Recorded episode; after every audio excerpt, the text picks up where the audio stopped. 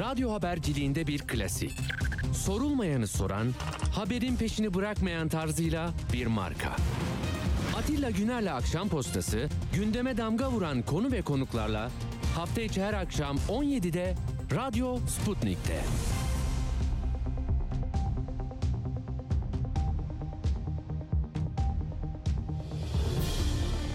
Toplumun böylesine bu özelliği taşır hale gelmesi yani kuşkucu, e, yarınlara güvensiz, siyasete güvensiz, hukuka güvensiz hale gelmesinde bu 20 yıllık iktidarın çok önemli bir katkısı oldu kuşkusuz. kamuda performans sistemiyle dayalı çalışan herhangi bir doktorlar dışında herhangi bir bölüm yok. Bir Tabii. hakime ya da bir e, Tapu müdürü mesela ne kadar çok tapu işlemi yaparsa bunu, bunu demiyorsunuz.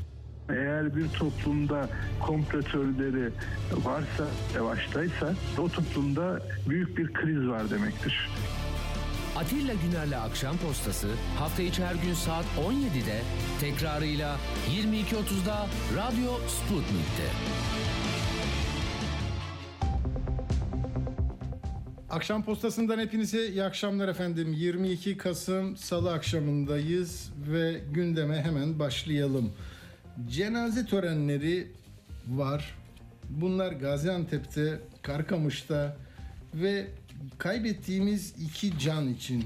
Birisi 5 yaşındaki biliyorsunuz harika bir çocuk ee, Hasan ve Ayşenur Alkan öğretmen. 22 yaşında yani öğretmenler gününe 3 gün kala bu e, terör e, hattından atılan bir roket atarla roketin okulun yakınına isabet ettiğini biliyoruz. O sırada çocukları toplayıp güvenli bir yere götürüyor sığınak gibi.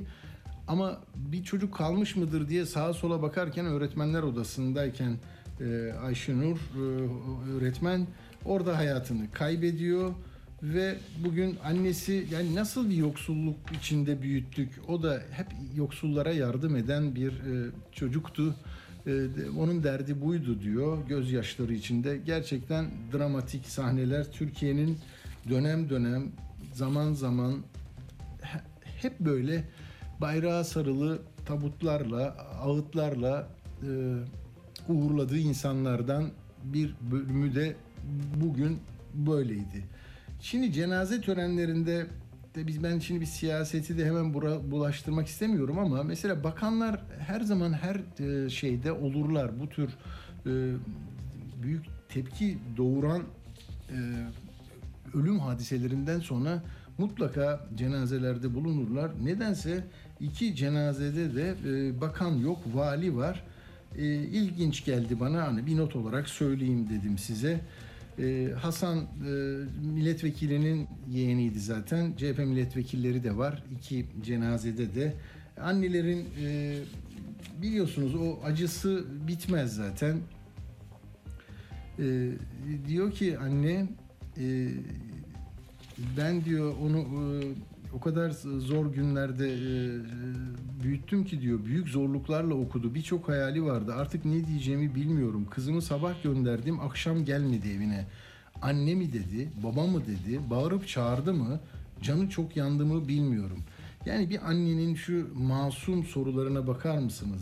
Ne kadar insani ve onunla vedalaştığında onun yani bilmiyor ama ne, ne nasıl bir çığlıkla e, hayatını kaybettiğini merak ediyor.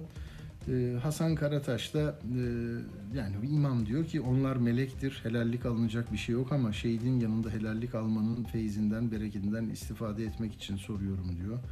Hakkınızı helal edin diyor. Evet yani e, bu taraf yani ölümün, cenazenin, merasimin, toprağa vermenin olduğu taraf öfkeli. Bitsin bu diyor anne. Anne de böyle söylüyor.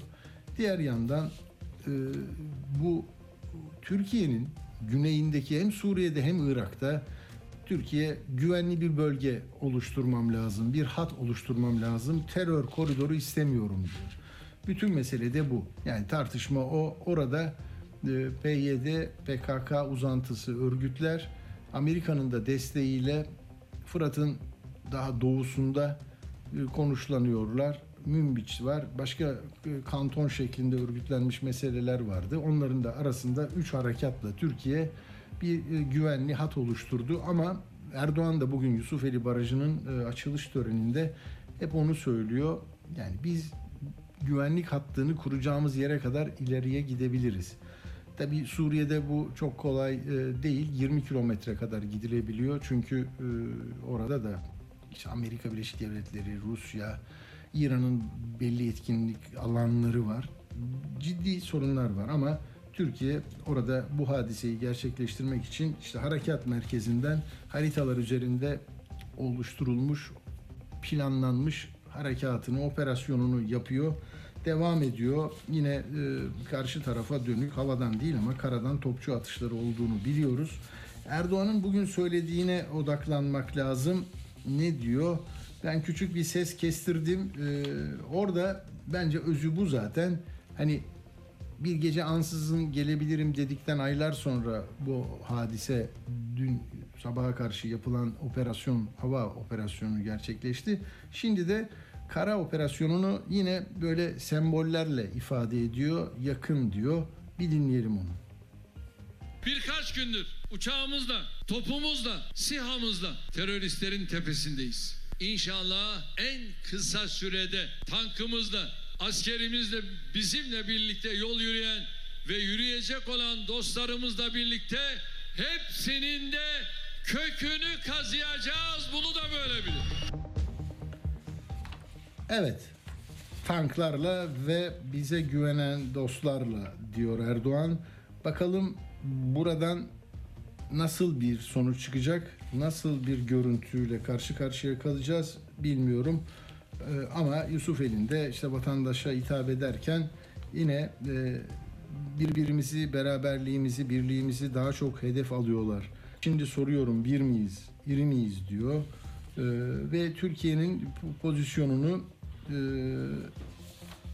yani bölgesinin güçlü ülkesi olarak çizmiş Erdoğan ve bu bunun da büyük ve Türkiye olduğunu söylüyor.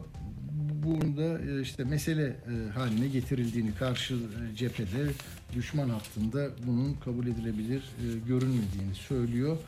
Şimdi en son notta görüyorum 184 terörist etkisiz hale getirildi deniyor.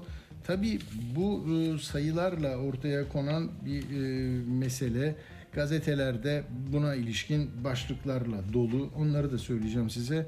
Ama e, şunu da hemen söyleyeyim.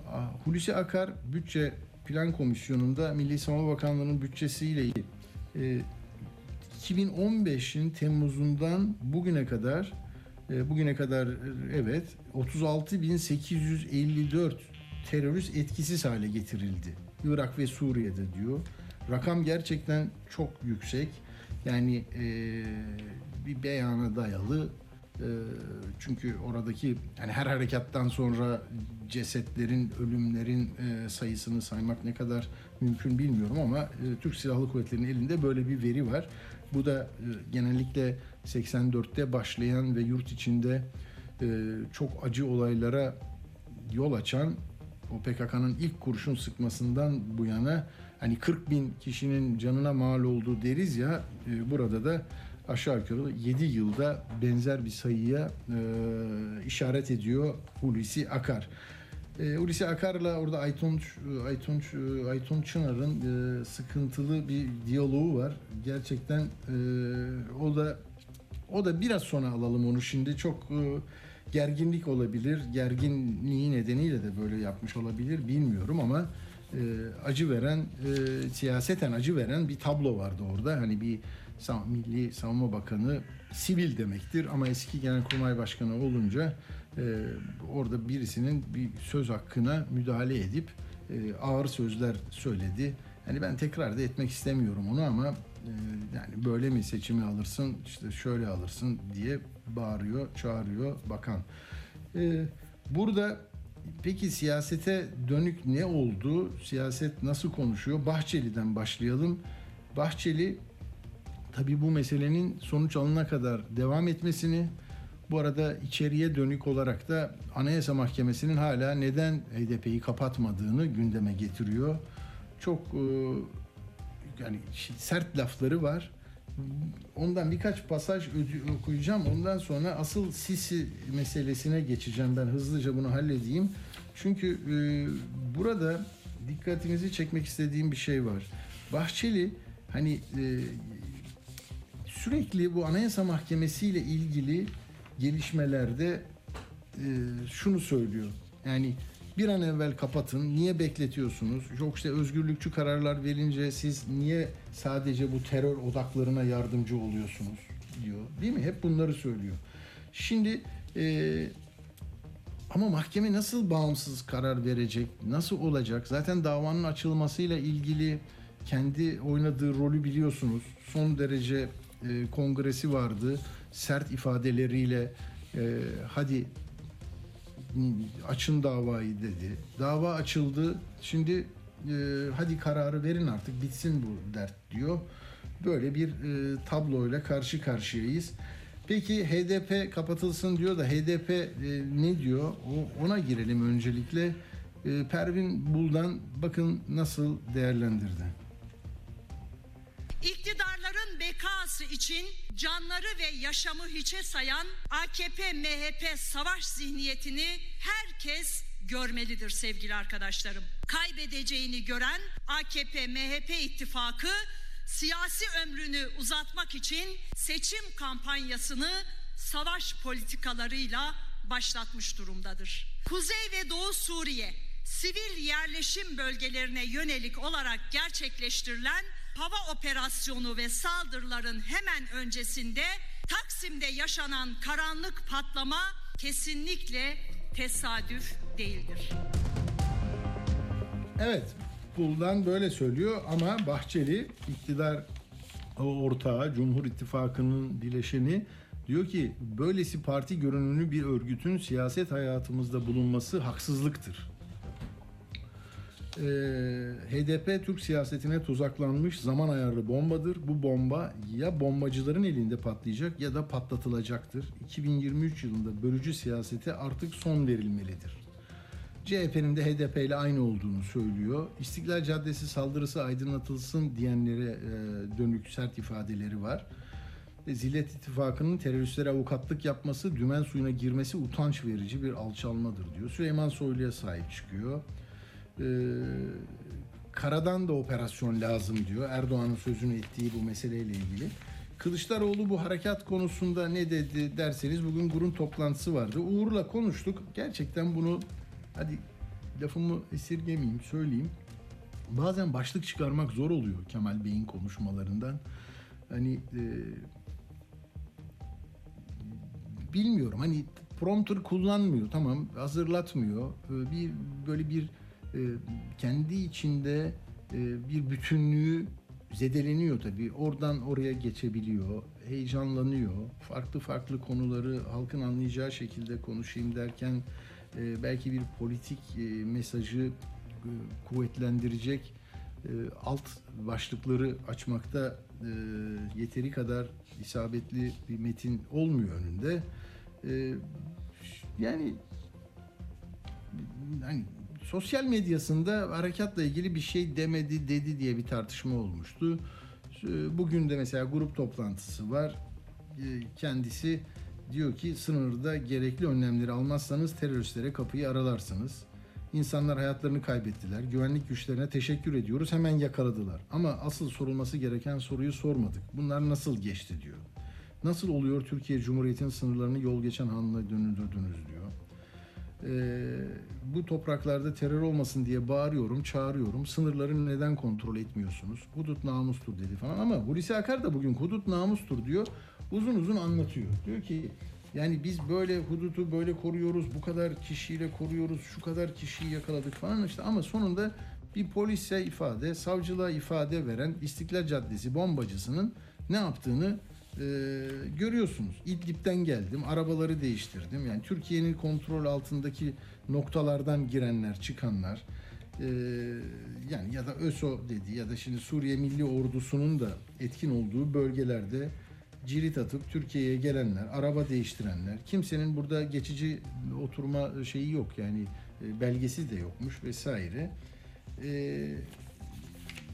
yani şimdi onu söyleyeceğim de bu sınır ötesi e, hudut meselesinde e, yani gerçekten o da bir sürü rakamlar söylüyor ve biz çok iyi görev yapıyoruz diyor. Yani Türkiye'de zaten görevini iyi yapmayan yok ama maden de patlayabilir, sınırlar da açılabilir. Ne bileyim yani her şey olabiliyor. Diyor ki bak e, üst düzey tedbirlere, personelimizin olağanüstü kahramanlık ve fedakarlığına rağmen binli, milli bir mesele olan hudut güvenliği maalesef zaman zaman tartışma konusu yapılmakta. Bak yapılmakta. Resmi açıklamalar ve yapılan bilgile- bilgilendirmeler dikkate alınmadan gerçek dışı, abartılı, yanıltıcı bazı söylemler ortaya atılmaktadır. Mehmetçik her türlü arazi hava koşulunda büyük kahramanlık, fedakarlıkla görev yapmaktadır. Mem- beklentimiz sadece ve sadece Mehmetçiğin emeğine saygı gösterilmesidir. E şimdi içine Mehmetçiği koyarsan Türk Silahlı Kuvvetleri herkesin e, bir parçası, milli bir ordu. Yani bununla ilgili bu lafı koyarsanız o zaman eleştirilmeyecek. Hiçbir zaman hudut namustur ya da nereden girdiler? Kemal Bey'in soruları o zaman başından e, reddediliyor. Öyle oluyor mu? Oluyor, olmuyor işte. Bak hudutlarda alınan yoğun önlemler, sınır ötesinde yapılan etkin operasyonlar hep bunları anlatıyor. Ee, bak neler var. Ee, hudut e, hattında sınırı fiziki güvenlik sistemine dayalı tel örgü, hendek, duvar, gözetleme sistemleri var. Dünya standartlarında yüksek teknolojiye sahip araç gereç teçhizatımız var diyor. Ee, bu yıl başından itibaren hudutlarda 234.282 kişinin geçişi engellendi. Yakalanan 7.107 göçmenle 724 terörist teslim edildi. Yani şunu demek istiyorum. Orada hani biz böyle çalışıyoruz bir de bizi eleştirmeyin. E yani madende de öyle oluyor işte. Biz yedi kere kontrol ettik. Her şeyi de verdik. Tü- Tüzük var, yönetmelik var. Bizi niye eleştiriyorsunuz? Yoktur. Bu işin fıtratında var. De- dediğiniz zaman eleştiri ve düzeltilmesi için çabaları sona erdirmiş oluyoruz. Yani birbirimizi anlamıyoruz ve eleştiriyi sadece saldırgan ve e, yabancı e, beşinci kol faaliyeti gibi görüyoruz ki öyle oluyor. Yani Bahçeli başta olmak üzere çok çoğu kez böyle şeyler oluyor. K- Şimdi girelim Sisi meselesine. Çok zaman da e, geçmiş hakikaten çok hızlı. Sisi olayını arkadaşlar yazarlar, çizerler, herkes konuşuyor. Kılıçdaroğlu e, ha Kılıçdaroğlu'nun şu sesini verelim. Yine ben dağılmayayım Allah'ınızı severseniz ya. Kılıçdaroğlu 3 Aralık diye bir tarih verdi size. Bak tarih ver, veriyor, veriyor. İşte sonra siz de eleştiriyorsunuz. Altılı masa ne oldu? Hadi ne yapacağız? 28'inde toplantı var. Böyle fokur fokur kaynıyor. Yani e, muhalefeti e, benimseyen, oraya yaklaşanların da bu konuda eleştirileri var. Bakın Kılıçdaroğlu size bir randevu verdi. Dinleyin. Amerika'ya gittim, İngiltere'ye gittim. Ama tabii bizim partiler de merak etti. Ya genel başkan niye gitti? Biz söyledik şöyle böyle ama onlar da merak ettiler. Bu kadar sorun varken neden genel başkan Amerika'ya gitti, İngiltere'ye gitti? Üniversitelerle görüştü, büyük firmalarla görüştü. Neden bu görüşmeyi yaptı diye. 3 Aralık'a kadar sabredin. 3 Aralık'ta yeni bir vizyonu açıklayacağız. Yeni bir vizyon. Türkiye'nin tarihine şöyle bir bakın. Ortalama 7 yılda bir kriz olur. 7 yılda bir. Bazen bu krizler çok derin olur. Ve bu krizlerden bir avuç insan çok faydalanır. Büyük geriler vurur. Ama milyonlar bu kriz nedeniyle büyük mağduriyetler yaşarlar. Türkiye'yi artık bu kriz zincirinden kurtarmamız lazım. Ve emin olun çok güzel şeyler açıklayacağız. Çok güzel. Belli aralıklarla krize giren bir Türkiye değil, sonsuza kadar krizi bitirecek olan bir vizyon açıklayacağız. Sonsuza kadar krizi bitirecek. Ekonomi bakanlarını değiştirdiler, maliye bakanlarını değiştirdiler, bürokratları değiştirdiler, hükümetler geldi gitti. Ama krizler bizim hayatımızda hep oldu. Sonsuza kadar bu krizleri bitirmemiz lazım. Türkiye bunu hak etmiyor. Siyaset kurumu da bunun gereğini yapmak zorundadır. O nedenle gitti. Vizyonumuz hazır. 3 Aralık. Ekiplerimiz hazır. Yatırımcılar hazır. Taze para da hazır. Türkiye'yi bu beladan sonuna kadar kurtaracağız. 3 Aralık'ı bekleyin ve asla unutmayın. Geliyor, gelmekte olan. Evet geliyor gelmekte olan bir de Cumhuriyet Halk Partisi'nde seçimlere girecek il ve ilçe yöneticileri 5 ile 26 Aralık'ta istifa edecekler. Herkesin gözü milletvekilliğinde işte istifalar olacak e, örgütten, teşkilattan sonra da sıraya girecekler. Herkes için geçerli tabii. Onun için daha sakin, sessiz böyle gidiyor her yer. Ee, evet Sisi meselesi. Ya Sisi meselesi gerçekten yani e, muhalif tarafların eleştirmesinden çok benim en çok ilgimi çeken m, hani bu manevra alanını bu kadar geniş tutabiliyor e, Erdoğan liderliği ama e, ona gönül verenler her zaman bir şey buluyor. E, teselli kaynağı ve iyi oldu diye. Bu kez böyle karın ağrısı çok ağır olmuş, çok ağır olmuş. Dün hani Kara Hasanoğlu dedi ya yıkıldım, bittim ben dedi. Bugün de Yeni Şafak'ta hani yazıları da böyle daha e, edebi e, ve derinliği olan yazılar yazar İsmail Kılıç Arslan. O da diyor ki Cumhurbaşkanı Erdoğan'ın katil Sisi ile el sıkışması içime sindi mi? Hayır ve asla. Ee, Sisi'den ve onun temsil ettiği değerlerin tümünden nefret ediyorum. Ama diyor e, burada ne ama ne fakat ne de lakin diyeceğim. Kendimi çok üzgün, çok yaralanmış hissediyorum o görüntü karşısında.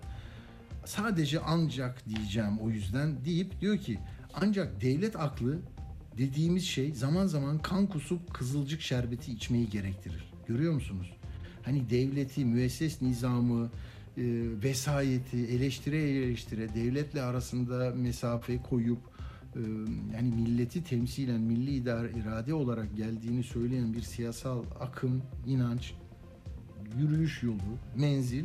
Şimdi devlet olduk diyor yani. Devlet aklı dediğimiz şey kan kusup kızılcık şerbeti içmeyi. Yani enflasyon böyle olsa içimize atacağız. İnsan haklarına dönük e, çok kötü uygulamalar olsa, ifade hürriyetini konuşamasak da kan kusup kızılcık şerbeti içeceğiz. Öyle mi? İçimize sindireceğiz. Ben burada sorunun burada olduğunu hani siyasal İslam e, inançlı kesimlerin siyasette e, etkinlik göstermesi, bir yere doğru gelmesi, 20 yılda kendi networkleriyle bir yeni bir e, her ne kadar fikri iktidarı elde edemediklerini söylüyorlar ama burada da moral iktidarı da kaybetmek üzereler. Yani ne olduk da böyle olduk diyor.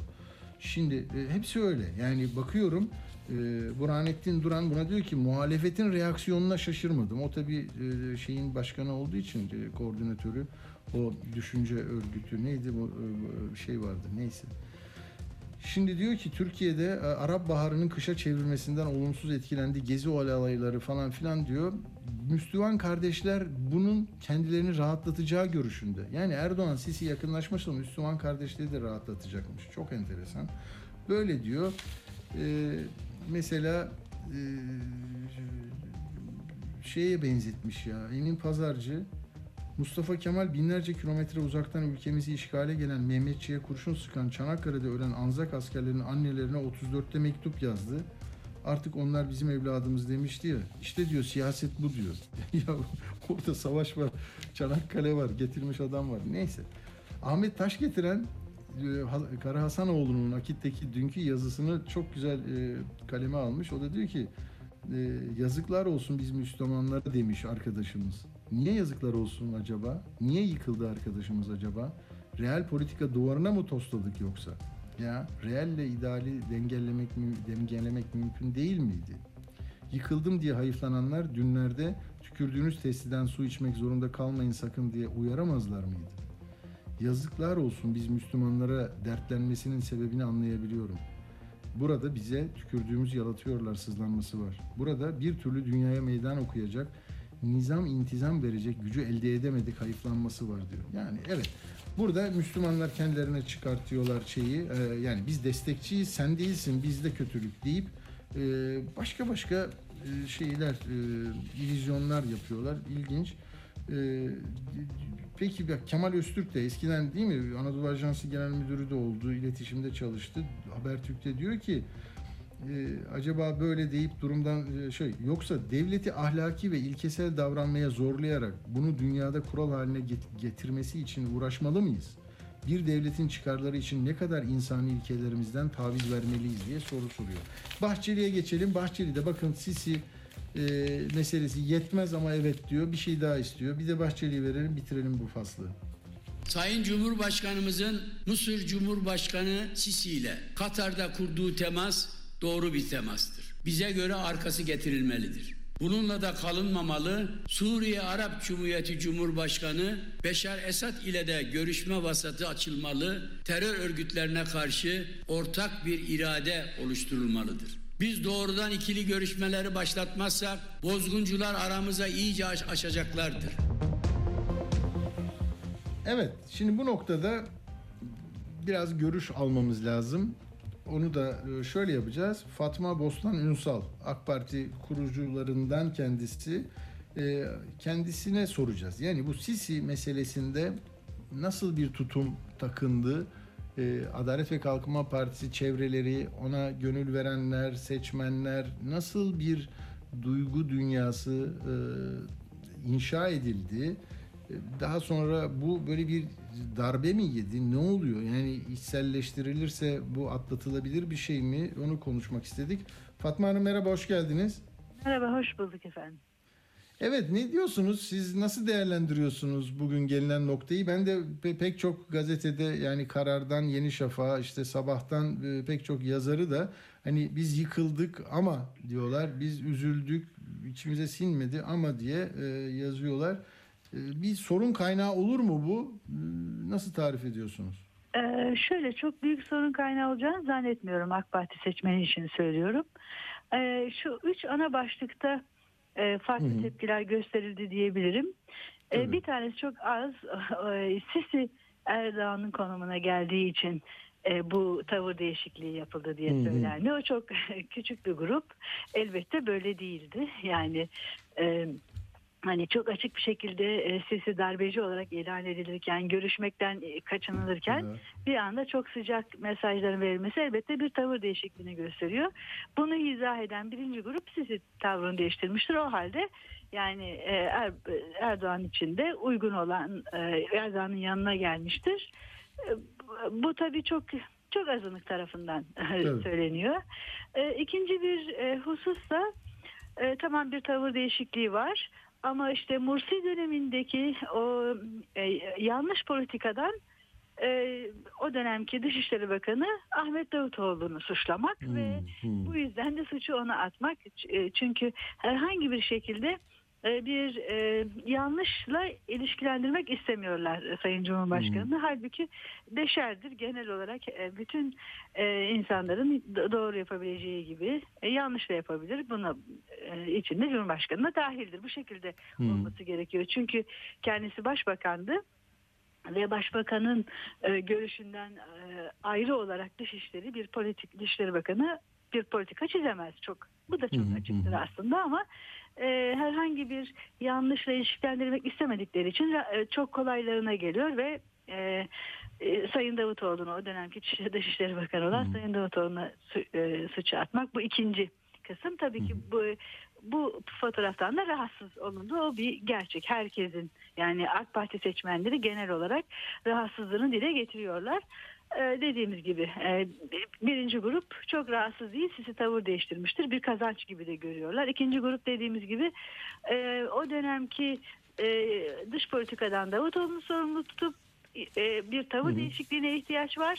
İşte Cumhurbaşkanı da bunu yapmıştır. Ama, Ama asıl tabii tutumlu bizim değil. odaklandığımız bu yıkıldık yani yazıklar olsun, yıkıldık, yazıklar olsun biz Müslümanlara. Burada Evet. bu, bu Üçüncü nasıl- grupsa da e, Davutoğlu'na da atmayıp ama e, bir e, yani aslında çok bir tavır değişikliği var ve bunu e, öyle veya böyle e, artıları ve eksikleriyle değerlendirmek gerekir. Yani e, e, bize düşen odur. İşte mesela e, o, e, ama bunun hiçbir dönemde yapılmadığını söyleyebiliriz. Yani hani AK Parti'nin daha böyle müzakereye açık olduğu dönemler 2010'lu yıllarda da bu böyleydi.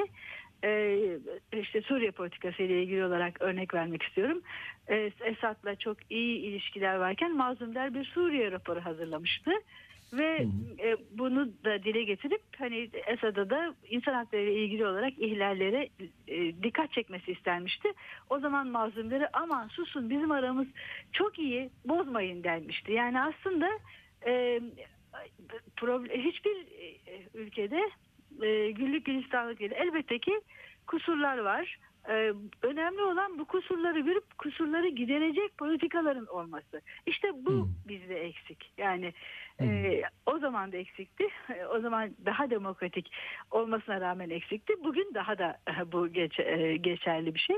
E, o zaman içinde hani e, Mursi ile ilgili olarak yapılacak şey e, hani e, biliyoruz ki Mursi e, anayasa değişikliği ne e, çok az bir katılım olmuştu ve yüzde 51 ile geçmişti. Yani burada e, bir daha demokrasi geçmişi e, daha eskilere uzanan e, daha demokratik Türkiye'nin e, Mursi'ye söyleyeceği şey daha e, çoğunlukçu değil çoğulcu yapıyı e, önemsemesi. E, muhalefetteki e, pek çok grupla irtibat kurması ve onların desteğini alması yönünde teşvik olacaktı.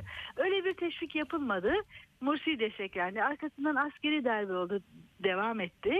E, ve e, o dönemde işte pek çok kişi e, yurt dışına da çıktı çünkü gerçekten askeri darbeydi ve idamla yargılandı.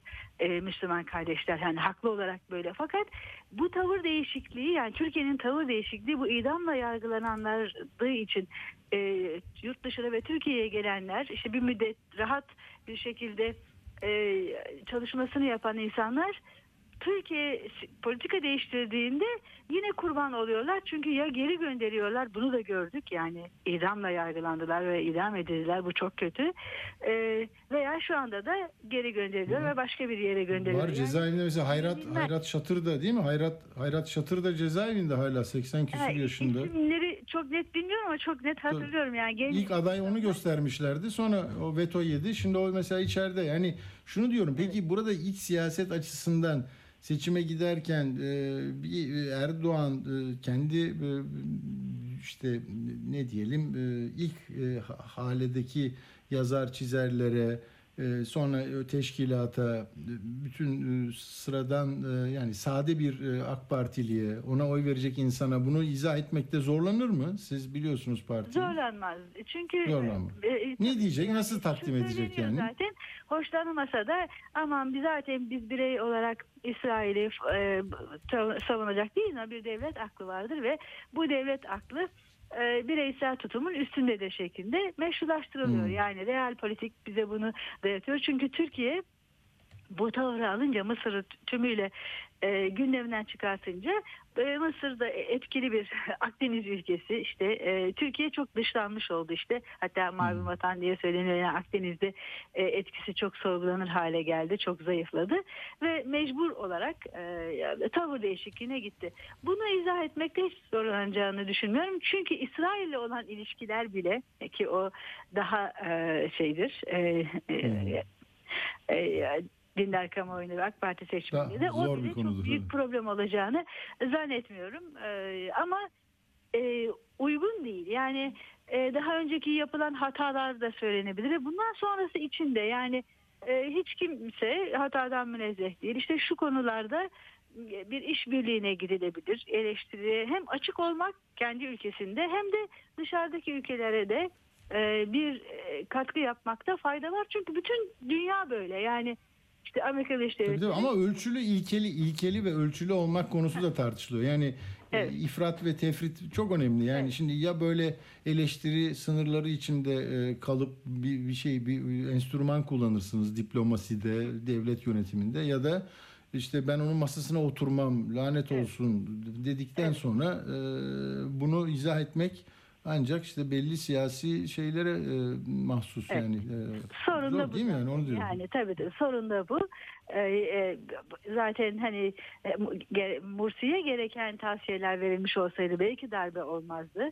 Veya Sisi Hmm. olduktan sonra yine daha farklı tavır takılsaydı belki e, Müslüman kardeşlere yönelik bu kadar e, sert tedbirler alınmazdı. Yani idamla yargılandı insanlar Evet. ve idam edildiler. Yani gencecik insanlar.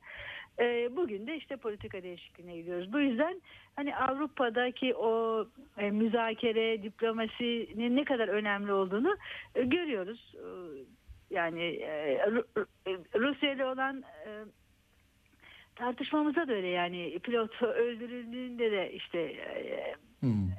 uçak e, düşürülüp öldürüldüğünde de önce bir kahramanlıkmış gibi bir emri biz verdik falan dendi. Sonra Hmm. da işte bunun özür dilenmeye çalışıldı. Yani e, orada e, önemli olan dediğiniz gibi e, Hı hı. soğukkanlı bir şekilde görmek ve aslında Türkiye'nin ve bütün dünyada diğer ülkelerin de daha barışçıl bir şekilde e, sorunların hallolması için müzakereye önem vermek, e, bütün karşılıklı bütün tarafların kazanabileceği bir zemini yoklamak. Yani sıfır toplamlı bir oyun değil yani ya ben kazanırım öteki tümüyle kaybeder değil. Herkesin bir şekilde kazanacağı bir şekilde de tabii ki bütün istediklerin olmayacağı bir e, anlaşma zemini en iyidir. Kimse bozmak Tabii. istemez e, bu durumu. Tabii. Çünkü ben mesela ilk, ilk mutlak kayıp çok- veya mutlak kazanç Doğru. karşı tarafın mutlak kaybı anlamına gelir sürdürülemez değildir. Bir Dünya Savaşı'nda olduğu gibi yani Bir Dünya Savaşı'na son veren anlaşma aslında İkinci Dünya Savaşı'nı hazırlamıştır. E, hep de bunu söylerler. Tamam.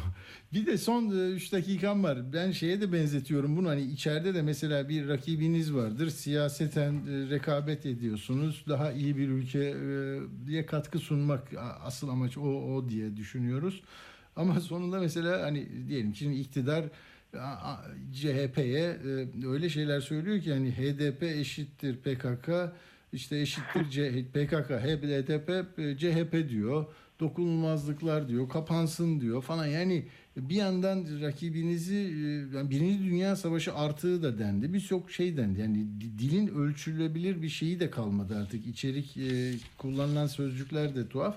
E burada da yani şimdi Birleşik Arap, Arap Emirlikleri böyle diyebiliyorsunuz. Suudi Arabistan Kaşıkçı'yı öldürüyor böyle diyorsunuz. Hepsi değişebiliyor. Hani bunu nasıl içselleştiriyorlar? Bir taraftar Fenerbahçe taraftarı gibi olursa tabii mesele yok. O zaman diyor ki zaten biz golü attık canım. İster offside olsun ister penaltı. Değil mi? Evet. Orada bir- tabii. yani ben seçime giderken Adalet ve Kalkınma Partili e, olup da ya da Cumhur İttifakı'ndaki bir oy verecek insanın bunu bir muhasebesini yapar mı derdim o yani. Merakım daha doğrusu. Evet, çok fazla bunun malzemesini yapılacağını düşünmüyorum. Dediğim gibi çok fazla e, kanaat önderleri çünkü bu konuyu hazırlamış durumdalar.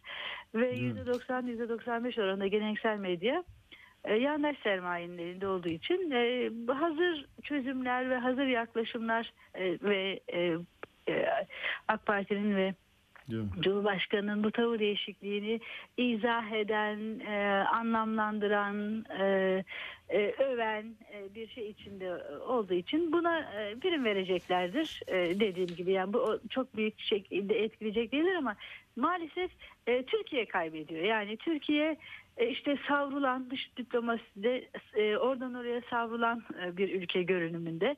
E, bugün A dediğini ö- öbür gün tam zıddını rahatlıkla söyleyebilen güvenilmez. Hem e, ittifak e, üyeleri tarafından hem de aslında bir şekilde e, çeşitli gruplarla e, de, grupları desteklediğini işte Mısır'da Müslüman kardeşler olduğu gibi veya e, Suriye'de e, savaşan gruplar gibi e, politika değişikliğinde tam ters e, ta- politikalar izlendiğinde elbette ki mağdur da oluyor aslında bu gruplar. Yani bu yüzden gü- güvenilmez e, bir figür olarak ve bir devlet olarak ortaya çıkıyor. Bu tabii çok kötü. Yani e, her zaman devletler farklı politikalar izleyebiliyorlar. İşte mesela Bush işte Amerikan müdahalesi taraftarıydı. Obama farklı bir politikaydı. O e, savunan birisi de o geldi iktidara ama hiç olmazsa e, farklı şahıslar ve farklı gündemlerle oluyordu bu. E, ve bir şekilde tutarlı e, olmuş oluyordu. E, hiçbir şekilde e, tutarlı olmayan, öz eleştiri getirmeyen, e, günübirlik e, çıkarlar neticesi oradan oraya savrulan bir dış politika. Tabii e, Türkiye bunu e, hiç hak etmiyor. İçeride de bu şekilde olmuş olması, e, bu sert e, uzlaşmaz diyaloğun olması kutuplaşmayı artırıyor. E, ve demokrasi ancak e, kutuplaşmamış yani e, muhatabını kendisi kadar eşit ve özgür e, bilen gören bir toplumda olabilir. Yani kutuplaşmış toplumlarda demokrasinin olması da zordur.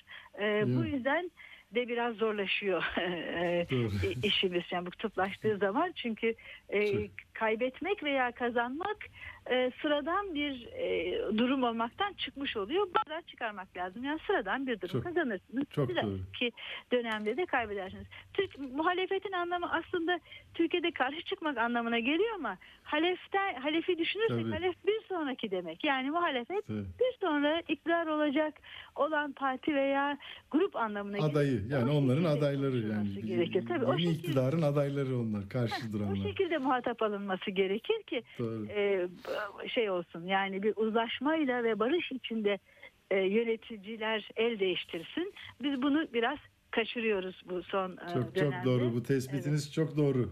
Ee, Fatma Hanım çok teşekkür ediyorum Fatma Rica Bostan ederim. Ünsal. Şimdi bundan sonra vereceğim haber zaten bu kamplaşma, kutuplaşmanın hani nasıl bir e, şeyde ba- polis bandosu nasıl e, iktidarın kullanacağı bir seçim marşını, Türkiye yüzyılını polis bandosu çaldı.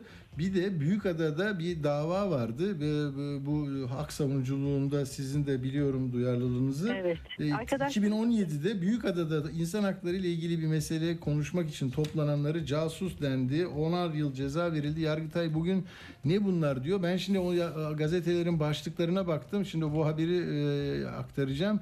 İnanamazsınız. Yani insanları bir manşetle nasıl bitiriyorlar sonra beraat ediyorsunuz ama iş işten geçmiş oluyor. Lekelenmeme hakkı, masumiyet karinesi darmadağın oluyor. Fatma Hanım çok teşekkür ediyorum katıldığınız için. Sağ olun. efendim, Rica ederim.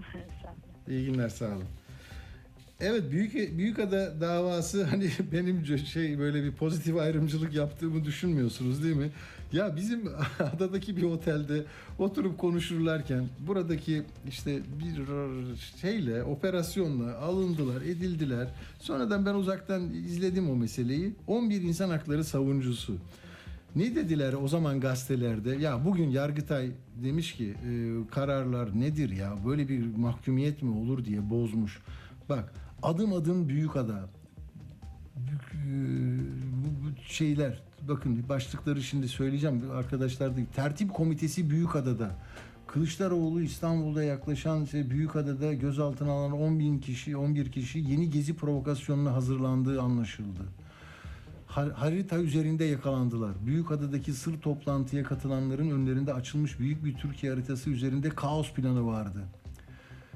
Büyükada'da 15 Temmuz'un devamı. Ya bunlar 2017'de arkadaşlar. Büyükada baskının şifreleri. 24 Temmuz planı çöktü.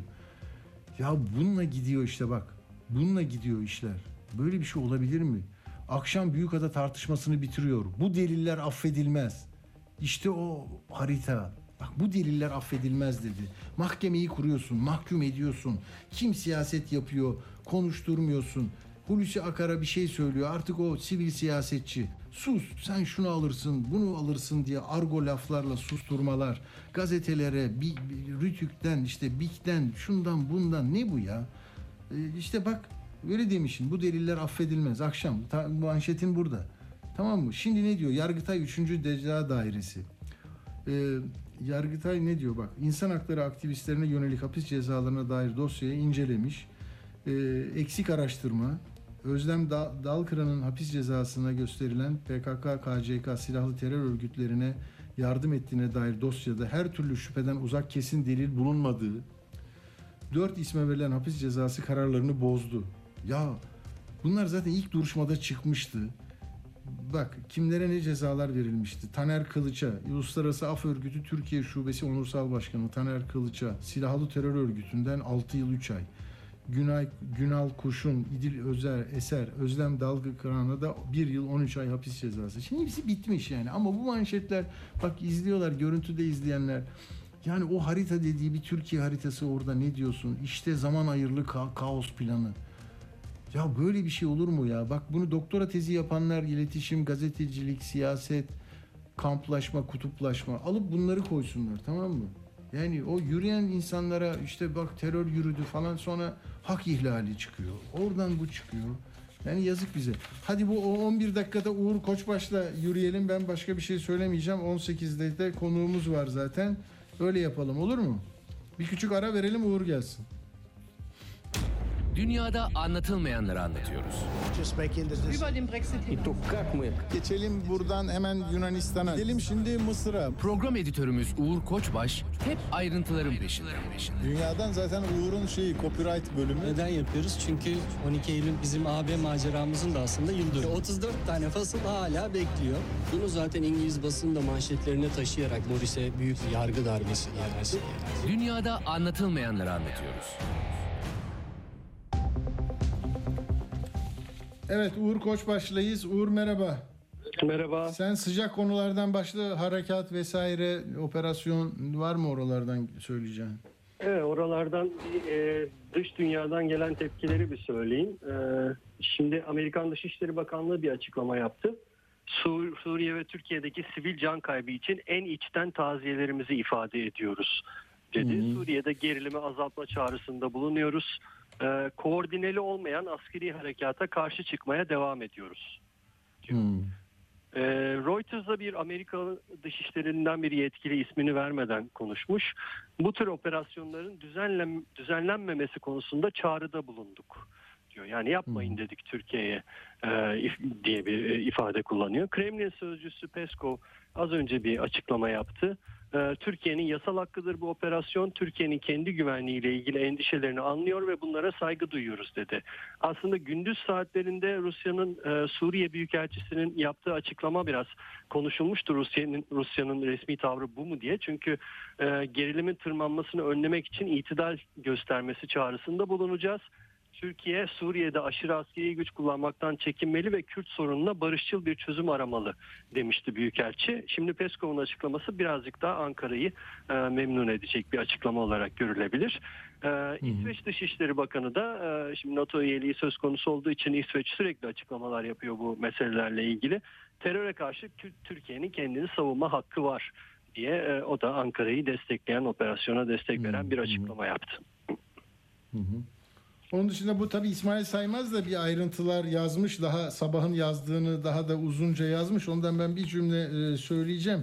Hani altı çocuklu bir aileden geliyorsunuz. Üç kardeşinizi kaybetmişsiniz. Sonra işte ÖSO'daki abiniz sakat. Bir oradasınız. Bir Münbiç'e gidiyorsunuz. Size örgüt e, PKK, YPG diyor ki git Cerablus'ta onların e, içine gir sonra bize bilgi getir. Yani kullanan kullanana karışık, karmaşık değil mi? Böyle bir yapı var. Burada hacı denilen bir adam çok önemli. Acaba ne olacak? Sonra kullandıkları yollar e, o hani kaçakçılık için, uyuşturucu için, insan kaçakçılığı için böyle bir örgütler üstü bir konsey gibi. Yani herkes iç içe girmiş. Belki orada e, başka devletlerin ajanları orada. Yani e, hakikaten çok karmaşık, çok e, e, duruşmalarında da neler olacak bilmiyorum. E, Buna ilişkin var mı senin de bir Bir orada şey- dikkat çeken şey 17 yaşındaki bir kadının bombayı getirin, getirdiğini söylemesi. Doğru, o doğru. dikkat çekici bir başlık. Yani onun da kimliği belirsiz tabii ama ifadesinde Aynen. böyle bir şey kullanıyor. Aynen. Aynen. Peki onun dışında e, sende bu neyse bu İran meselesini konuşmuştuk seninle. Evet, evet. Şimdi e, İran e, İngiltere ile Dünya Kupası'nın ilk e, ikinci gününde bir maç yaptı biliyorsunuz. 6-2 kaybetti ama yani futboldan çok, skordan çok İranlı futbolcuların o maçın başlangıç anında milli marşlar okunurken ki tavrı e, konuşuluyor, başlıklara çıkıyor. E, yani çok alkışlayanlar oldu İran milli takımını e, protestoculara Mahsa Amini protestosuna destek olarak nitelendirdiler. Çünkü İran milli futbolcuları İran milli marşını söylemediler. Yani normalde oyuncular e, dudaklarıyla o şeyi milli marşı söylerler ama İran milli futbolcuları bunu söylememeyi tercih ettiler. E, bu zaten aslında devam eden sporcuların devam eden eylemlerinin yeni bir uzantısı oldu. Çünkü daha önce İran su topu takımı, İran plaj futbolu takımı, işte e, başka başka spor dallarındaki İran sporcular benzer protesto eylemleri yaptılar ve milli marş e, çalınırken bunu söylememeyi tercih ettiler. Bunların Neden? başlarına bir şey geldi mi? E, federasyonlar açıklama yaptılar. Yaptıkları akılsızlıktır diye. E, Bazı oyuncuların da milli takımdan atıldığına dair e, haberler çıktı. Ama şimdi e, İran tabii bu tür eylemlere çok sert tepki veremiyor. Yani halkınkilere veriyor ama halk tarafından çok sevilen, e, çok popüler olan e, birçok insan bu tür eylemlerde bazı destek verici e, şeyler yaptılar, paylaşımlar yaptılar. E, ve yani onlara da belki böyle çok sert tepkiler verilmesinin e, göstericilerin e, gösterilerin belki daha da artmasına ve daha çok taraftar bulmalarına sebep olacağını düşünerek çok da fazla e, sert önlemler almıyorlar bu tür meselelerde. Ama tabii İran milli futbol takımı, İran İran'da futbol çok çok popüler bir e, spor ve e, futbol takımının bunu yapıp yapmayacağı çok konuşuluyordu. Ben biraz tarama yaptım ve bu bunun arka, arka planını e, araştırınca çok enteresan bilgiler çıktı.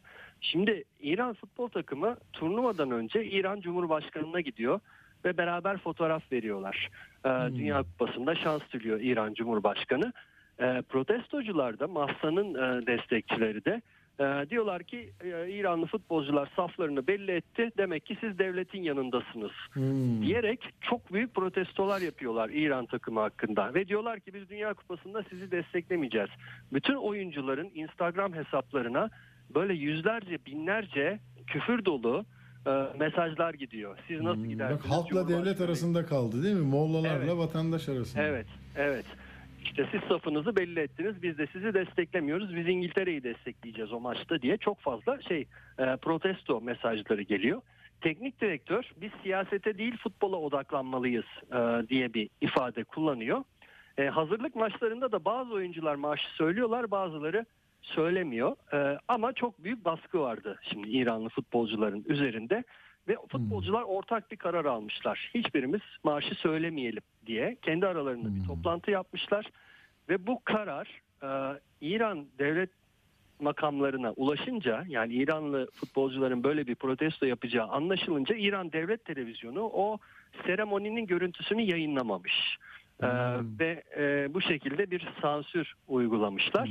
Ama maç içinde e, bu İranlı futbolculara yönelik tepki e, dinmemiş. Yani bu bunu yapmalarına rağmen maaşı söylemeyerek hani Mahsa'ya dolaylı da olsa bir destek vermiş olmalarına rağmen e, çok ufak bir ses aldım. Onu bir dinleyelim onun üzerine konuşacağım. Tamam. Necdet o band. Necdet. Maç sesi, maç sesi. İran maç sesi.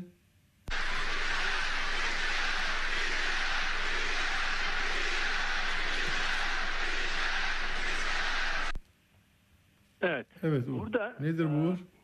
bir şaraf diye bağırıyor taraftarlar. Oradaki Katar'daki Dünya Kupası'nda İngiltere maçında İranlı taraftarlar bir şaraf diye bağırıyor.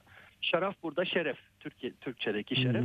Yani onursuzlar anlamında bir e, slogan atıyorlar maç boyunca. İran Devlet Televizyonu bu slogan atılmaya başlandığı zaman da e, yayının sesini kesmek zorunda kalmış e, ki duyulmasın diye. Yani taraftarların tepkisi aslında hala devam ediyor futbolculara yönelik. Şimdi milli marşta neden böyle bir e, tepki gösteriliyor? Niye milli marşı söylemiyorlar? Çünkü İran milli marşı 1979'daki İslam devriminin e, sonrasında yazılmış bir marş ve e, İran İslam devrimine atıf yapılıyor. E, Behmen imanımız e, doruktadır diyor. İslam devriminin yapıldığı ayı kastediyor. Size söylüyoruz ey imam istiklal ve hürriyet ruhumuza basılmış olan yaşama amacımızdır. E, Şehitler haykırışlarınız her zaman kulaklarımızda yankılanıyor. Kalıcı devamlı ebedidir. İslam İran İslam Cumhuriyeti diyor. Yani tamamen devleti e, kollayan, e, koruyan bir marştan bahsediyoruz. O yüzden Devleti değil de kendi iktidarlarını yani Şah'ın da ayrı bir şeyi vardı herhalde. yani Şah'ta Molla şey rejimine değil. çok fazla atıfın olduğu bir e, marş olduğu için Evet, evet. özellikle bu marşın e, söylenmemesi e, daha manidar olarak görülüyor. E, burada tabii öne çıkan da bir futbolcu var. İran, İran milli takımının kaptanı İhsan Hac- Hacı Safi. O bir basın toplantısı yaptı ve şöyle dedi. İnsanlarımız mutlu değil. Biz buradayız ama bu onların sesi olmamamız ya da onlara saygı duymamamız gerektiği anlamına gelmiyor. Ne yapıyorsak onlar için mücadele etmeliyiz. Elimizden gelenin en iyisini yapmalıyız. Goller atmalı ve İran halkına armağan etmeliyiz. Umarım koşullar halkın beklentilerini kabul edilecek şekilde değişir. Yani bu tabii açık açık e, bu durumdan futbolcuların ne kadar rahatsız olduğunu ve üzerlerinde büyük baskı olduğunu gösteren bir e, açıklama. Tabii dönüşte ne olacak? Bu futbolculara herhangi bir ceza verilecek mi? Bugün bak çok baktım ama e, İran Futbol Federasyonu'ndan herhangi bir açıklama görmedim. E, stadyumda da çok çok sayıda pankart vardı. Mahsa'ya destek pankartları vardı. Özellikle kadınların e, yaşamına özgürlük diye e, pankartlar açıldı. E, yoğun ıslık sesi vardı. E, yani tamamen İran'ın maçları belli ki bu protestolara sahne olacak ve e, İran rejiminin de buna nasıl tavır koyacağı tabii merak konusu. Anladım. Peki Uğur çok teşekkür ediyoruz sana. Ben Bugün de- maç var mı? Maçlar devam ediyor mu? Sen bakıyor musun? İki dakikamız var. Tabii bugün maçlar devam ediyor. Bugün çok büyük bir sürpriz oldu. Ee, Suudi Arabistan e, Arjantin'i 2-1 ile geçti. E, hatta Messi e, 10. dakikada gol atmıştı. E, onun üzerine ikinci yarıda Suudi Arabistan çok büyük bir sürpriz yaparak iki gol buldu ve Arjantin'i devirdi. E, tabii çok çok favori bir takım Arjantin. Dünya Kupası'nı çok yıllar yıllar sonra yeniden kazanmak Hmm. istiyorlar. Suudi Arabistan'ın da yani çok büyük de bir iddiası yoktu. Ee, Herkes Arjantin'i favori gösteriyordu. Yani turnuvanın en büyük sürprizi bugün oldu. Ee, Danimarka, Tunus berabere kaldı. Meksika, Polonya ve Fransa, Avustralya maçları oynanacak. Ee, Biri 19'da, biri 22'de bugün. Anladım. Peki Uğur Koçbaş teşekkür ediyoruz sana. İyi Ben akşamlar. teşekkür ederim. Görüşmek üzere. Evet şimdi 6'dan sonraki bölümde efendim paylaşım ekonomisini konuşacağız. Enteresan bir konu, enteresan bir başlık gibi geldi bana. İzmir'de ilk kez birinci uluslararası paylaşım ekonomisi zirvesi yapıldı geçen hafta içinde. Biz de Paylaşım Ekonomisi Derneği Başkanı'yla konuşacağız. Sayın İbrahim Aybar tecrübeli bir isim. Ee, hem özel sektörde hem de kamuda da e, görevde bulunmuş. Başbakanlık Müsteşar Yardımcılığı yapmış. e, Turizm Genel Müdürlüğü yapmış. e, Renault e, Mayıs'ın e, yöneticiliğini yapmış. Gerçekten e, önemli bir isim. Nedir paylaşım ekonomisi?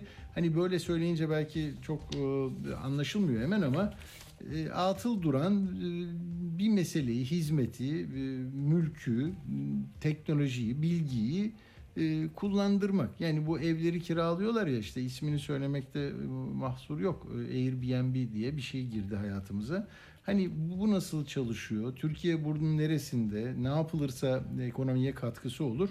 Onları konuşacağız. Biraz sonra İbrahim Ayvar'la bizden ayrılmayın.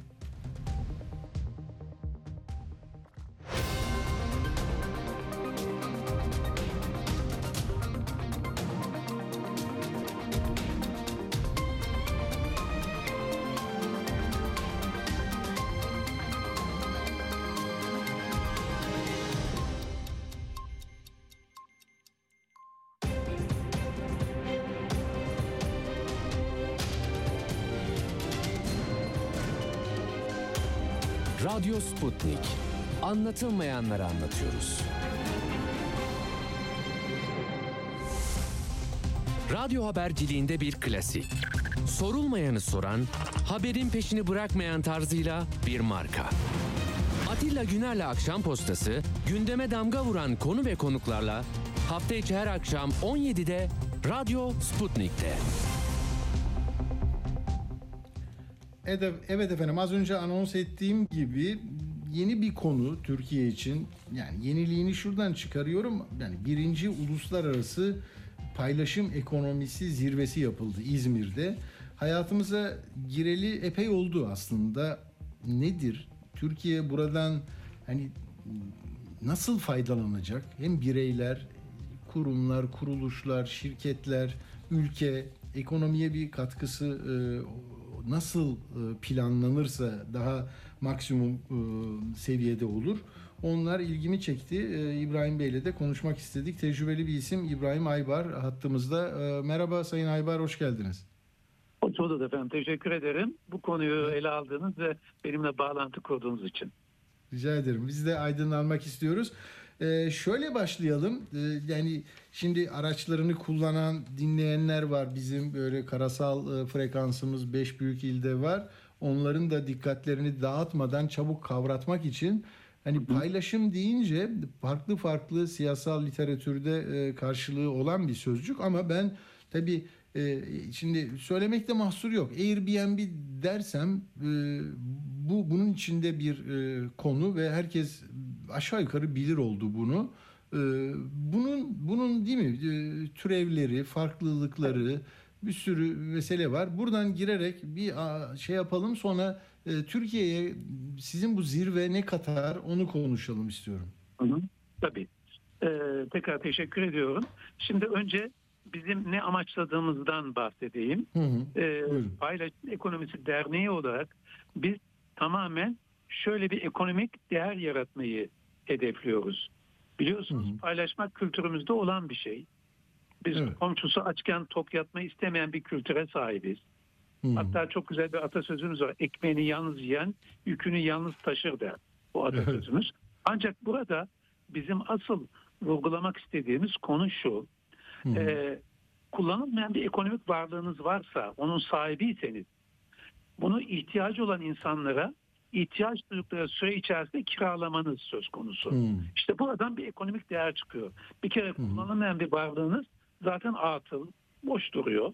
Onun bu şekilde ihtiyaç sahibine gitmesi sizin için bir değer.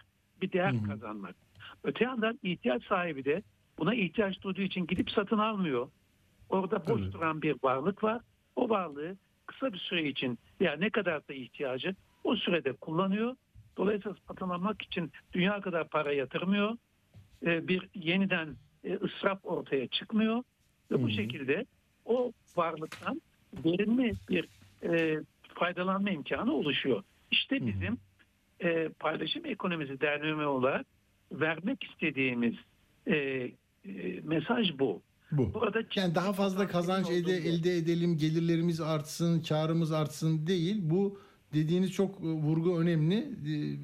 Kısmen atıl olacak değil mi? Kullanımda olmayacak. Aksi takdirde zaten tamamen atıl. Evet. Tabii. Yoksa niye kullandırasınız? Fabrikanız çalışıyorsa kime niye vereceksiniz? Ama yazlık bir eviniz var. Kullanmadığınız bir e, ofisiniz var. Değil mi? Böyle e, diye düşünüyorum. Tabii. Emin Airbnb örneği verdiniz. Mesela 2008 yılında e, orada 3 tane genç atılımcı var. Ya. Bu işi geliştiren. Brian Chesky genel müdürleri hatta. O da iki arkadaşı. Bunlar 1000 dolara muhtaç iken o yıllarda 2008'de bed and breakfast dedikleri yani yatak kahvaltı pazarlamaya Hı. çalışırken Los Angeles'ta birden bu fikir gelişiyor. Onlara birileri de bunu tavsiye ediyor ve şu anda bakın bu yılın 3. çeyreğinde geldikleri nokta. Sadece yılın 3. çeyreğinde 100 milyon geceleme yaptırıyorlar. Ya. 2.9 milyar dolar para kazanıyorlar. Yapılan gecelemenin de ekonomik değeri 60 milyar dolar. Düşünebiliyor musunuz? Kaç kişi oraya evini koymuş oluyor İbrahim Bey? 500 bin diye okumuştum ben epey önce. Değil mi? Bu kadar şeydir yani. Evet, doğru. 400 bin üzerinde. Şimdi burada biz e, özellikle şunu görüyoruz. Tamamen dijital uygulamalar söz konusu. Bizim akıllı telefonlarımızda indirilen dijital uygulamalardan insanlar birbirlerini buluyorlar. İhtiyaç sahibi o atıl e, boşta olan ekonomik varlığın sahibini buluyor. Oradan birbirleriyle karşılıklı mesajlaşıyorlar. Daha sonra o dijital aplikasyonlar bir kod gönderiyor. O kodla siz o varlığa istediğiniz süre için e, kullanım hakkı alıyorsunuz. Böylece şeffaf bir kayıt içinde ekonomik ilişki var. Demokratik çünkü karşı karşıyasınız. Arada bir merkezi yönetim yok. Aracısız kimse yok arada. Bir ekonomik ilişki. Bunlar bir takım farklı e, paylaşım siteleriyle de rekabetçi bir fiyata iniyor. İsraf ortadan kalkıyor her şeyden önce. Çünkü boş duran bir varlığı kullanıyoruz. Mesela e, bir e, çim makinesi diyelim. E, duruyor işte kaç e, sefer çim makinesiyle çim biçilir ki yılda. E, onu kullanan e, kullanmak isteyenler bir daha o çim makinesi yatırım yapmadan kullanabiliyorlar. Aynı şekilde otomobiller şimdi hepimiz işte ben de otomotiv sektöründeyim biliyorsunuz. Otomobiller sahip olduğunuz otomobil günde sadece bir saat kullanılıyor. Bir saat. 23 saat boşta bir yerlerde park ediyor. Bunun biz o kadar dünya kadar yatırımını yapmışız. Sahibi olarak e, yakıtını koyuyoruz. Bir yerlerde otopark parası ödüyoruz. Vergisini ödüyoruz. Bakımını ödüyoruz. Vesaire yani sigortasını ödüyoruz. Ve bu bir saat için günde. Halbuki bunu e, paylaşım sistemleri içerisinde günde 5-6 kez çevirerek kullanabilsek hem verimlilik artar hem otopark ihtiyacı %90'a yakın azalır hem trafik en az üçte bir azalında azalır. Şu andaki bütün ölçüler bunu gösteriyor ve araç sayısı trafikte dolaşan azalır. Bu kadar ortaya verimli, daha az emisyonla, daha temiz bir çevre ortamında bir e, ekonomik yapı çıkar. Yani bu neticede işte evden bahsettik, bundan bahsettik, bu otomobil işinden, eşyadan bahsettik, giysi. Bir başka önemli konuda işte e, Türkiye'de de çok güzel girişimler var. Bizim e, kongremizde de sunum yaptılar. dünya kadar evlerde alınmış bir yerlerde duran giysiler var. Evet. Bunların rahatlıkla kullanıcıları tarafından e, ihtiyaçlı olduğu sürece birkaç akşam, bir hafta kullanılıp tekrar geri getirilmesi mümkün. İnanın yaklaşık 5 yıl boyunca bir elbisenin kullanıldığını görüyoruz yapılan uygulamalarda. Değil mi? Yani böyle çok güzel şeyler var. Sonuçta bizim burada zirveye özellikle kongremize verdiğimiz mesaj şu oldu. Birincisi genç girişimcilerimiz var. Çok başarılı, son derece yetenekli. Bunların temsil ettiği neslin dijital teknolojileri sınırsızca kullanıp yeni iş fırsatları çıkarmalarına yardımcı olmak. Bir hedefimiz bu. Diğer hedefimiz e, ekonomiyi büyüten, özellikle paylaşım ekonomisi büyüten hukusal ve sosyal yapı var. Bu yapının eksiklerinin giderilmesi, güçlü hale gelmesi. Üçüncüsü de ülkemizi paylaşım ekonomisini geniş boyutta uygulayan, geliştiren önemli ülkelerden biri haline getirmek. Bu üç tema üzerinde biz uluslararası zirvemizi yaptık. Dışarıdan katılımlar oldu. Türkiye'den çok önemli katılımlar oldu. İşte paylaşım olabilen sektörlerden önemli temsilciler geldi. Çok iyi. Sonuçta- Peki burada çok özür dilerim İbrahim Bey. Burada kamu otoritesi de bunu özendirir mi? Yani teşvik eder mi? Yoksa bazı tartışmalara hat- hatırladım da e, tanıklık etmiştim. Mesela e, Airbnb üzerinden çok sayıda atıl evin kullanılması e, otelcileri, pansiyoncuları e, bazen rahatsız etmişti. Yani onlar yok ne oluyor bu kadar bunlara biraz kurallar getirin nedir bu değil mi? Böyle şeyler e, olabiliyor. Onun için kamunun eli burada ne kadar e, şey rahat yani düzenleyici olmalı mı? E, insanları yoksa böyle STK'lar mı devreye girmeli bu işlerde? E, şimdi biz e, aslında kamunun bu konuda regülasyonları e, bu o, paylaşım ekonomisini geliştirecek düzeyde e, oluşturabilmesi için bir sivil meslek örgütü olarak ortaya çıktık. Hmm. Tabii ki meslek örgütlerinin yönlendirmesiyle bu işler olacak ama Tabii. kamu olmazsa olmaz. Şimdi Olmaz. az önce belirttiğiniz örnekte de kamunun uygun bir regülasyon geliştirmesi gerekiyor. Aynı şekilde Uber birçok ülkede Tabii. yasaklandı. Niye? Regülasyonu olmadığı için. Konu belki tam organize edilemediği için. Aynı şekilde e, özellikle az önce belirttiğiniz ev paylaşımında birçok vandalizm konuları çıktı. Bunların aynı şekilde regülasyonlarla güvence altına hatta yasaların bunlara da ait bir takım özel maddeleri de güvence altına alınmaları lazım. Yani sonuçta e, kamu mutlaka devrede olmalı, düzenleyici olmalı, denetleyici olmalı ama işin kökünde bir demokratik bir şeffaf ilişki olduğu için, kayıt içi bir ilişki olduğu için devletin gözetim görevi bu noktada e, daha yukarıdan olmalı. Yani daha işin işte müdahil olmayacak tarzda gelişmeli. İşte bu eksiklikleri giderecek bir takım önerilerimiz toplantı sırasında da gündeme geldi. Onları zaman paylaşmaya devam yani bunlar ihmal edilebilir değil mi? Mesela güvenliği sağlar. Devlet ne yapar otorite? Bir de vergi kaybına yol açmasını istemez. Oradaki e, sisteminde değil mi bir, bir- bir- şeffaf olması lazım. Dolayısıyla Türkiye e, o noktada e, yani Ankara'nın ilgisi var mı bu e, konuda? E, buranın çünkü e, şunu şunu aslında düşünüyorum. Ya bu kadar işimiz varken şimdi bu bu bu meseleyi de siz kendiniz halledin. Talepleriniz varsa biz yapalım noktasında mı görüyorlar yoksa bir proje e, böyle ciddi bir e, arama e, şeyi var mı? E, iradesi var mı ortada? Şimdi biz e, paylaşım ekonomisi kavramı içerisinde kamuyla bir direkt ilişki içinde henüz olmadık. Ya. E, onu açıkça belirteyim. Ancak mutlaka bir araya geleceğiz. Önerilerimizi kendilerine takdim edeceğiz. Hı hı. E, kamu ile ilgili örneğin bir e, iş kolundan bahsedeyim. Yiyecek, gıda. Evet. E, Birleşmiş Milletler'e göre dünyada her yıl 1.3 milyar ton yiyecek atılıyor. Çöpe gidiyor. Tabii, tabii. Mesela burada paylaşımla çok büyük bir ekonomi ortaya çıkarmak ve israfı önlemek mümkün. Çevreyi ona göre korumak mümkün. Türkiye'de de çok ciddi bir atık var. Çok ciddi bir kayıp var. 37 milyon ton civarında yıllık. Biz bu yiyecekleri paylaşımla kurtarabilecek güce sahibiz. Bu da ne Nasıl olabilir o İbrahim Bey? Çok ilgimi çekti bu. Nasıl mesela nasıl bir var mı dünyada örnekleri de var mı? Nasıl yürüyor bu? Tabii tabii var. Ee, Türkiye'de de hatta birkaç e, paylaşım sitesinde bu işler başladı. E, e, isim vermeyeyim isterseniz. Herhangi bir şeye girmedim. E, ne oluyor? Örneğin e, e, yemek üreticileri, yemek e, ticareti yapanlar ya da yiyecek ticareti yapanlar, işte pastaneler olsun, lokantalar olsun, fırınlar olsun vesaire e, atılabilecek duruma gelmeden önce taze yiyeceklerini bu tür paylaşım sitelerinden çok uygun fiyatlarda paylaşabiliyorlar.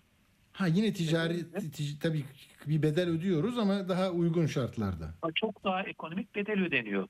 Neticede ulaşması zor olan insanlar bu yiyeceklere bu şekilde atılmaktansa daha ucuza alarak böylece hem atılmasını önlüyorlar hem de atma durumunda olan yiyecek üreticisi Çok iyi. bunu gelir noktasına getiriyor. Yani çok ciddi kazanımların ortaya çıkabileceği bir sistemden bahsediyoruz. Bu yani mesela yüzden- ik- iklim krizini çok önemseyen, buradaki tehlikeyi görenler için de çok önemli, çevreyi korumak için Evet. çok önemli. Belki hani plastik hayatımızdan çıksın diye öyle bir planlama yapılabilir ki onu da içine katarsınız. Yani çok e, çok disiplinli bir konu gibi ama ben bir bir şeye de şimdi aklıma geldi.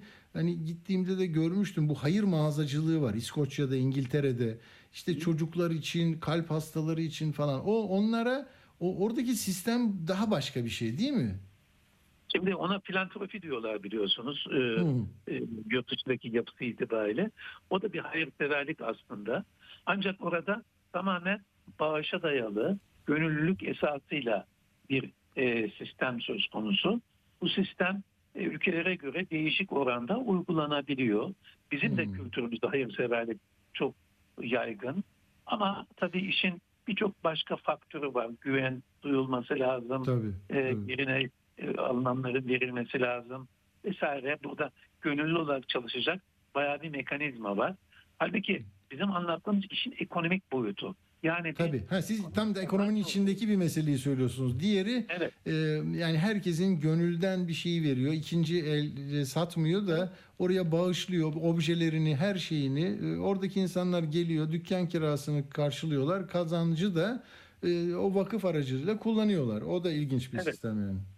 Aynen o da ilginç ama oradaki gönüllülük esası burada bizim yapımızda, bizim önerdiğimizde e, tabii bir gönüllülük yine kısmen var ama ekonomik gelir kazanan bir iş kolu ortaya çıkarmak Tabii, üzere tabii. yola çıktık. Tabii. Paylaşarak ekonomiyi geliştirmeyi düşündük ve böylece israfı önlemeyi, çevreyi korumayı ve insanların buradan paylaşarak bir şeyler elde etmesini arzu ettik. Yolumuz Çok önemli. Peki şimdi bizi dinleyenler olursa İbrahim Bey yani ben merakım var bunu kendimde bir girişimde bulunabilirim de- derse sizin dernek olarak bu, bu, bu, bu konuda bir katkınız bir yardımcı olma ihtimaliniz var mı insanlara? Elbette bu e, şekilde bir müracaat olduğunda biz dernek olarak kendilerine izleyecekleri yol üzerinde bir tavsiyede bulunabiliyoruz. Onlara doğru yolu göstermek için elbette biz burada dernek olarak hazırız. Yani rahatlıkla bize ulaşabilirler. Paylaşım ekonomisi e, derneği.org bizim adresimiz. Haydar kısa ismimiz. Buradan rahatlıkla bize e, maille ulaşabilirler. E, kendilerine yol gösterici oluruz. Anladım. Peki özel sektörün e, daha büyük böyle yapıların bu konuya yaklaşımını son olarak sormak isterim. Hani siz e, işte çok önemli otomotiv şirketinde yıllarca e, üst düzey yöneticilik yaptınız. Hani benzeri diyelim işte gıdasından hazır giyimine, e, araba kiralamadan pek çok şeye onların şeyi yaklaşımı nasıl? Biraz onları da motive ediyor mu bu e, çabalar? Şimdi açıkçası e, kongremizde yani uluslararası paylaşım ekonomisi zirvemizde e, önemli e, otomotiv markalarından bir tanesinde üst düzey yöneticisi dostumuz vardı. Kendisi de e, geleceğin bu yönde olduğunu ifade etti. Bir kere bundan dolayı böyle artık otonom sürüş ortamına doğru ilerliyoruz. Hem elektrifikasyon geliyor, bundan artık dönüş yok. Hem de artık direksiyonun olmadığı rahatlıkla işimizi aracın içinde bir yerden bir yere giderken de yapabileceğimiz bir ortama doğru gidiyoruz. Bunda çok önemli ekonomik sebebi var. İnsanlar şehirlerde günlük hayatının iki saatini trafiğe veriyorlar. Ekonomiden kopuyorlar. Ciddi bir verimsizlik var. Bu şekilde o ekonomik kaybı ortadan kaldırmak amaç. Dolayısıyla buraya doğru ciddi bir yönelim olacak ve o zaman da zaten bir otomobil sahibi olmanın anlamı kalmayacak. Çünkü sizi aplikasyondan çağıracaksınız. Gideceğiniz yere bir sürücüsüz otomobil sizi götürecek. Ondan sonra orada bırakacak. Sonra siz işiniz bitince tekrar oradan çağıracaksınız. Yani artık şehirlerin mimarisini değiştirecek bir geleceğe doğru gidiyoruz. O yüzden bunlar büyük kuruluşların özellikle otomotiv kuruluşlarının çok ilgi gösterdiği alanlar şeklinde gelmekte. Hatta bir önemli Alman otomotiv devinin CEO'sunun ifadesini söyleyeyim. 2030 dünyadaki otonom sürüşün toplam mobilitenin %15'i kadar bir pay alacağı yıllar olacak diyor. Yani bu kadar ciddi bir gelişmeyi önümüzdeki 7 yıl 8 yıl sonra görmeye başlayacağız. Evet, çok da uzak bir e, tarihleme değil yani o açıdan e, çok önemli söylediğiniz. E, o zaman e, çok teşekkür ediyorum ben İbrahim Bey. E, İbrahim Aybar Paylaşım Ekonomisi Derneği e, Başkanı. E, özel sektörün, kamunun da çok tecrübeli bir ismi. E, böyle bir hayırlı bir iş yapıyor. Bakıyorum şimdi mesajlar atıyorlar. E, önemli e, görüyor dinleyenler de. E, teşekkür ederim katıldığınız için. Başarılar diliyorum. Ben çok teşekkür ediyorum. İyi yayınlar diliyorum. Sağ olun. Evet paylaşım iyi bir şey. E, paylaşım ekonomisi de yeni bir e, alan, yeni bir kapı aralıyor insanlık için, ekonomiler için, her şey için. Şimdi e, ben bitirirken birkaç eksik şey var onu söyleyeceğim. Ha bugün gördüm sosyal medyada bu tabii Sisi ile görüşme meselesine tekrar dö- dönüyoruz özür dilerim ama hani Erdoğan Sisi yakınlaşmasının yarattığı o deprem konuşuluyor. Bu arada bir tedavüle bir şey giriyor hemen. Nedir? Ee, işte e, Düzce'deki Rabia heykeli geceliğin kaldırıldı Erdoğan'ın bu buluşmasından sonra. Ya şimdi işte bak sosyal medyada e, sıkıntı yaratan bir şeyi kendimiz bile hemen bir sorgulamayla mahkum edebiliriz, yok sayabiliriz. Beni aradılar, arkadaşlarım aradı. Ya böyleymiş gördün mü falan.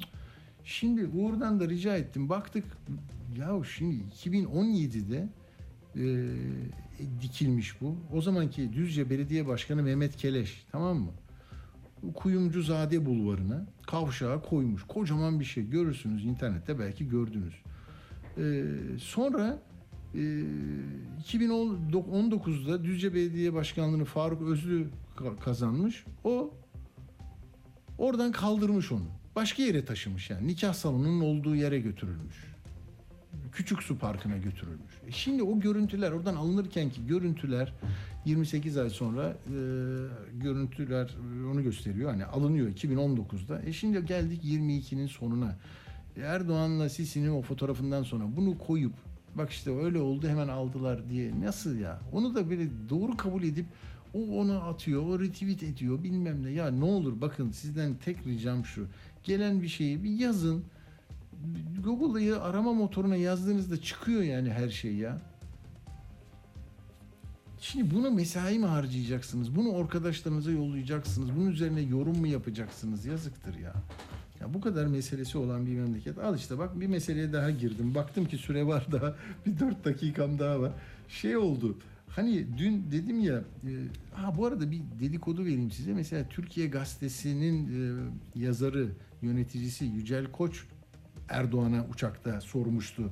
Ya bu e, işte 3 aydır hiç zam yok, bir şey yok, her şey yolunda gidiyor. Nedir bu marketlerin yaptıkları? Para cezası yetmiyor galiba. Erdoğan da dedi daha ağır bir şey yapacağız. E, mecliste görüşeceğiz bunu dedi. Şimdi Okan Müderrisoğlu da e, buna girmiş ama ha bugün gazetelerde de bu yayınlandı. Yani şeyde Türkiye manşet yaptığı 3-5 gazetede gördüm. Yani şey diyorlar işte bu fırsatçılara e, şey geliyor. Yeniden ağır cezalar geliyor vesaire gibi.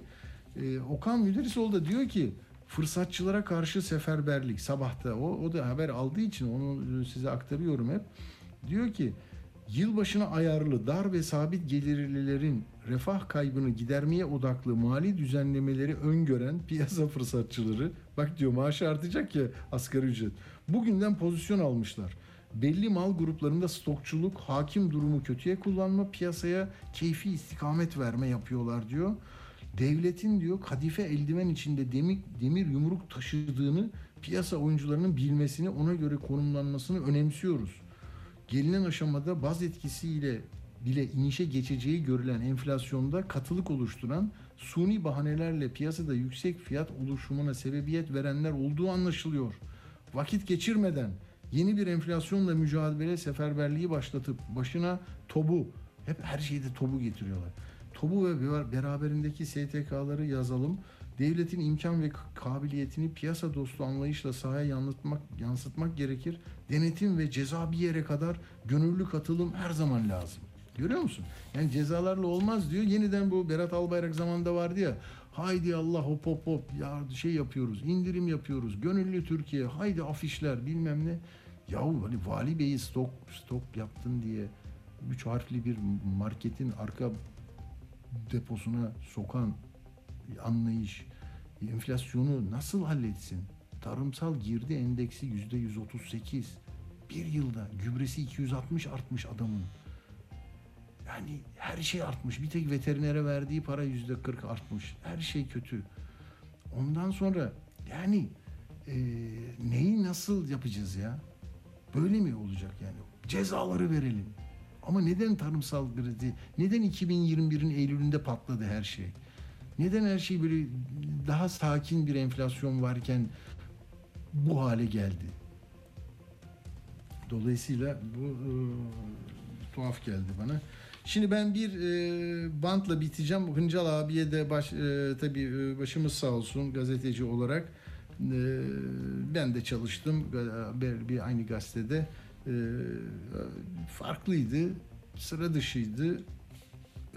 83 yaşında vefat etti Hıncal abi. Dün unutmuşum onu söylemeyi. Ben şimdi neyle bitiriyorum biliyor musunuz? Profesör Sinan Canan'ın bence hepimize lazım gelen bir küçücük böyle söyleşisinden aldığımız bölümü paylaşacağım sizinle. Bunu da bu arada yapacağız. Siz de öneride bulunabilirsiniz. Benim Twitter hesabım Ati Gun ne? Ati Gun neydi benim? Ati Guner Ati mi? Ati Gün zannettim. Gazeteciliğe ilk başladığımda benim böyle haberlerin altına kod yazardık. Biz kimin yazdığı belli olsun diye imzasız haberleri. Ati Gundu benimkisi de o zannettim. Yok Ati Guner Ati. Benim tweet adresim arkadaşlar. Instagram'da da varım ama orada kapalıyım. Yani bazılarını kabul ediyorum, bazılarını etmiyorum. Alınganlık olmasın. Peki şöyle yani küçücük güzel bilgiler, laflar olan e, videolar, sesler görürseniz bizle paylaşın. E, şeyle de Arda'nın da var e, bulursunuz. Arda Acaröz'ün de var. Uğur Koçbaş'ın da var. Peki şimdi hadi bakalım ben Profesör Sinan Canan'la sizi baş başa bırakıyorum. Hepinize iyi akşamlar diliyorum. Bu sözlere dikkat edin. Konfor, konfor, konfor nereye kadar? Hadi bakalım. Her gün aynı saatte aynı şeyi yerseniz, hep aynı şeyleri yaparsanız vücudunuzda arızalar çıkmaya başlıyor. Aynı şeyi yemek metabolik stres yapıyor, aynı hareketleri yapmak kemik yapınızı bozuyor. Mesela düz zeminlerde yürüyerek büyüyen AVM çocuklarında denge sistemi sorunlarını çok yaşıyorsunuz. Engebe olmadığı için sistem uyarılmıyor, uyarılmayınca gelişmiyor. Beyin, beyni zorlamazsanız küçülüyor. Mesela işte ileriki yaşlarda bunamayın falan diye millete bulmaca falan niye öneriyorlar? Beyni meşgul edelim ki ki bulmaca bu arada beyin küçülmesini engellemiyor onu söyleyeyim. Sudoku dışında hiçbir bulmaca işe yaramıyor. Yeni dil öğrenmek, yeni enstrüman öğrenmek, yeni bir yere taşınmak beyni çok iyi geliştiriyor. Ya ortam değiştirmek. Bunların hepsi özetle ne gösteriyor? Bir müşkül ve çözülmesi gereken sorun varsa vücut ve beyin ayılıyor. Ama sorun yoksa, dert yoksa çürümeye başlıyor. Aynen mezardaki gibi. Konfor bizi çürütür. Atilla Güner'le Akşam Postası sona erdi.